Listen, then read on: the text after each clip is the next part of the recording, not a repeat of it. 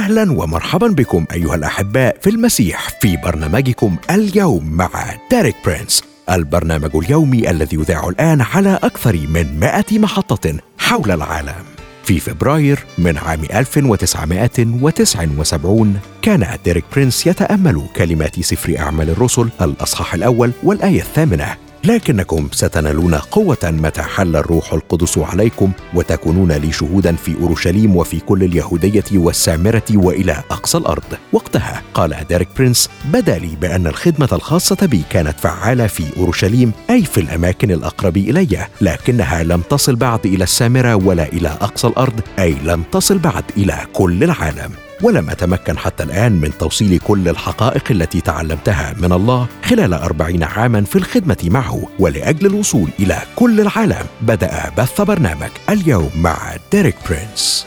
اليوم نقدم لكم هذا البرنامج باللغة العربية. راجينا من الله أن يكون سبب خير وبركة لكم ولبيوتكم ولخدمتكم.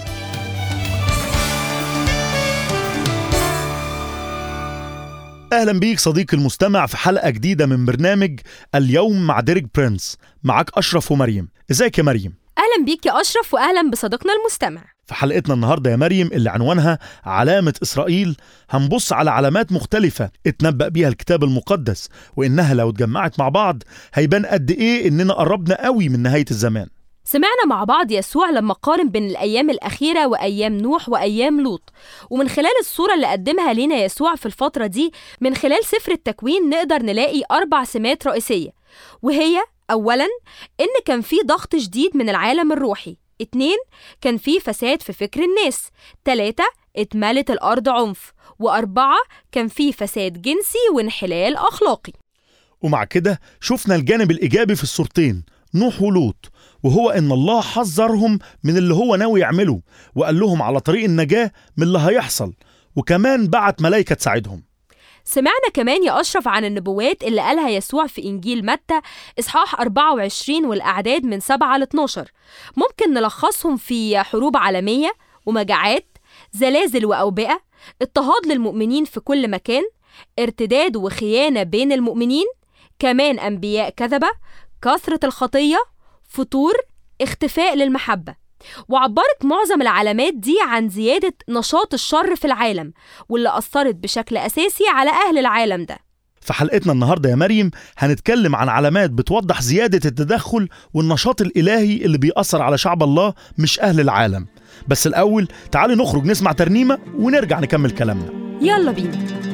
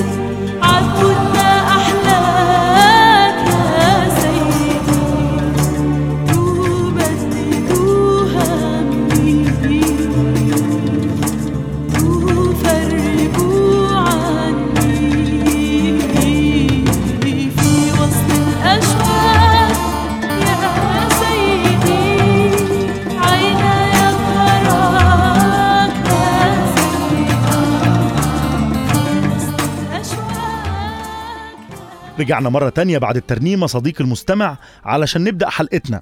لو لاحظنا يا مريم نلاقي إن شعبين على الأرض مرتبطين بالله عن طريق العهود اللي الله أعلن إنه مش هينقضها ابدا. عارفين مين الشعبين دول يا مريم؟ شعب إسرائيل والكنيسة يا أشرف صح؟ بالظبط يا مريم. شعب إسرائيل وده من خلال النسل الطبيعي الجسدي لإبراهيم وإسحاق ويعقوب. والكنيسة من خلال معجزة فريدة من الله وهي الميلاد الثاني ومن خلال الإيمان بيسوع المسيح. قبل ما نروح نسمع ديريك هيقول إيه يا أشرف؟ تعال الأول نقرأ من إنجيل لوقا إصحاح 21 وده كلام نبوي ليسوع المسيح على جبل الزيتون وهو متشابه مع الكلام اللي قريناه في الحلقة اللي فاتت من إنجيل متى إصحاح 24 لكن في بعض الاختلافات كده في نهاية كلام يسوع لكل العلامات اللي هتيجي يسوع قال مثل في إنجيل لوقا إصحاح 21 والأعداد من 29 ل 31 ممكن تقرأهم يا أشرف؟ طبعا وقال لهم مثلا انظروا إلى شجرة التين وكل الأشجار متى أفرخت؟ تنظرون وتعلمون من أنفسكم أن الصيف قد قرب. هكذا أنتم أيضا. متى رأيتم هذه الأشياء صائره فاعلموا أن ملكوت الله قريب. طبعا يا أشرف في مواسم رئيسية زي الصيف والشتاء والربيع والخريف. وفي نهاية فصل الشتاء بتبقى كل الأشجار فاضية من الورق. والفروع بتبقى فاضية لكن بعد كده بتبدأ تحصل حاجة وهي إن بيكون في براعم خضرة صغيرة بتبدأ تظهر وأول ما بنشوف ده بنعرف ساعتها إن الصيف داخل. نفس الحكاية مع ملكوت الله يا مريم. لما نشوف العلامات دي بدأت تظهر يبقى ملكوت الله قرب. تعالي نسمع من ديريك وهو بيكلمنا أكتر عن علامة شجرة التين وكل الأشجار وملكوت الله. يلا بينا. أريد أن أشارككم إيماني الشخصي بأن شجرة التين هنا هي صورة لإسرائيل وأن جميع الأشجار هي كل الأمم الأخرى.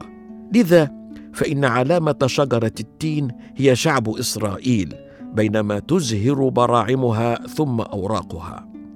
هذا دائما ما يكون مثيرا للغاية بالنسبة لي لأنه بحسب تدبير الله كان لي شرف الوجود في أورشليم عندما حدث ذلك. في عام 1948 فقد رأيت شجرة التين وهي تزهر وتورق. وبعد ذلك تشرفت أيضا بالمشاركة في العمل التربوي في إفريقيا. وتدريب المعلمين في المدارس الإفريقية فقضيت خمس سنوات في كينيا في شرق إفريقيا. وأصبح هذا الأمر حي جدا بالنسبة لي لأني كنت هناك ورأيت كل الأشجار وهي تورق.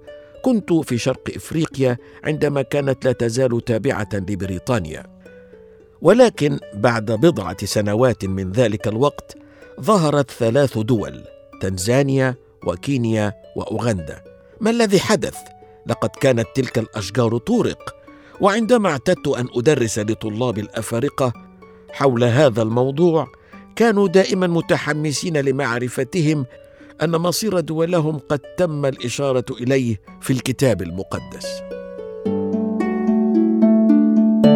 زي ما انت شايفة يا مريم قارة أفريقيا من نهاية الحرب العالمية الثانية ومن وقت وجود إسرائيل يمكن ظهرت أكتر من 15 دولة جديدة. إسرائيل هي شجرة التين اللي أورقت في مجموعات عرقية مختلفة يا أشرف قالت إحنا أمم في حد ذاتها عندنا ثقافتنا ولغتنا الخاصة وخلفياتنا الخاصة وكمان أرضنا وعايزين نكون مستقلين ومش عايزين حد يسيطر علينا أو يسود علينا أو يوجهنا وهي دي الأشجار اللي طلعت ورق. أمر رائع جدا إن يسوع يقول بالترتيب ده الأول شجرة التين اللي هي شعب إسرائيل وبعد كده الأشجار التانية. التطبيق الدقيق اللي قاله يسوع انظروا إلى شجرة التين وكل الأشجار. يعني اليهود شجرة التين وكل الأمم بقية الأشجار. لما الأشجار بتبدأ تخضر وتطلع ورق بنعرف إن الصيف قريب. نفس الحكاية لما نشوف الحاجات اللي اتكلم عنها الكتاب المقدس بتحصل نعرف إن ملكوت الله قريب. دلوقتي أشرف في نبوات محددة ليها علاقة بإسرائيل. في نبوات كتير قوي لكن ديريك دلوقتي هيقدم لينا نبوة أو اتنين. وقبل ما نسمع ديريك تعالى نقرأ مع بعض من سفر إشعياء إصحاح 11 والأعداد 11 و12 بيقول كده ويكون في ذلك اليوم أن السيد يعيد يده ثانية ليقتني بقية شعبه. التي بقيت من آشور ومن مصر ومن فتروس ومن كوش ومن عيلام ومن شنعار ومن حماة ومن جزائر البحر ويرفع راية للأمم ويجمع منفي إسرائيل ويضم مشتتي يهوذا من أربعة أطراف الأرض. دلوقتي تعال نسمع ديريك وهو بيوضح لينا النبوة دي. يلا بينا. حسنا لقد عشنا ورأينا ذلك يحدث في عصرنا. لقد استرد الله شعبه من كل تلك المناطق من على سطح الأرض. ثم في عدد الاثني عشر يقول شيئا مميزا للغاية. ويرفع راية للأمم ويجمع منفي إسرائيل ويضم مشتت يهوذا من أربعة أطراف الأرض. من الضروري أن نرى أن الرب هو من يعيد جمع اليهود وهو أيضا من يرفع راية للأمم. إنه إعلان الله لجميع الأمم أن الوقت قد حان لتمهيد الطريق لنهاية هذا الزمان. على الرغم من كل النبوءات التي تتعلق بنهاية هذا الزمان فكلها تفترض شيئا واحدا تجمع اليهود معا مرة أخرى.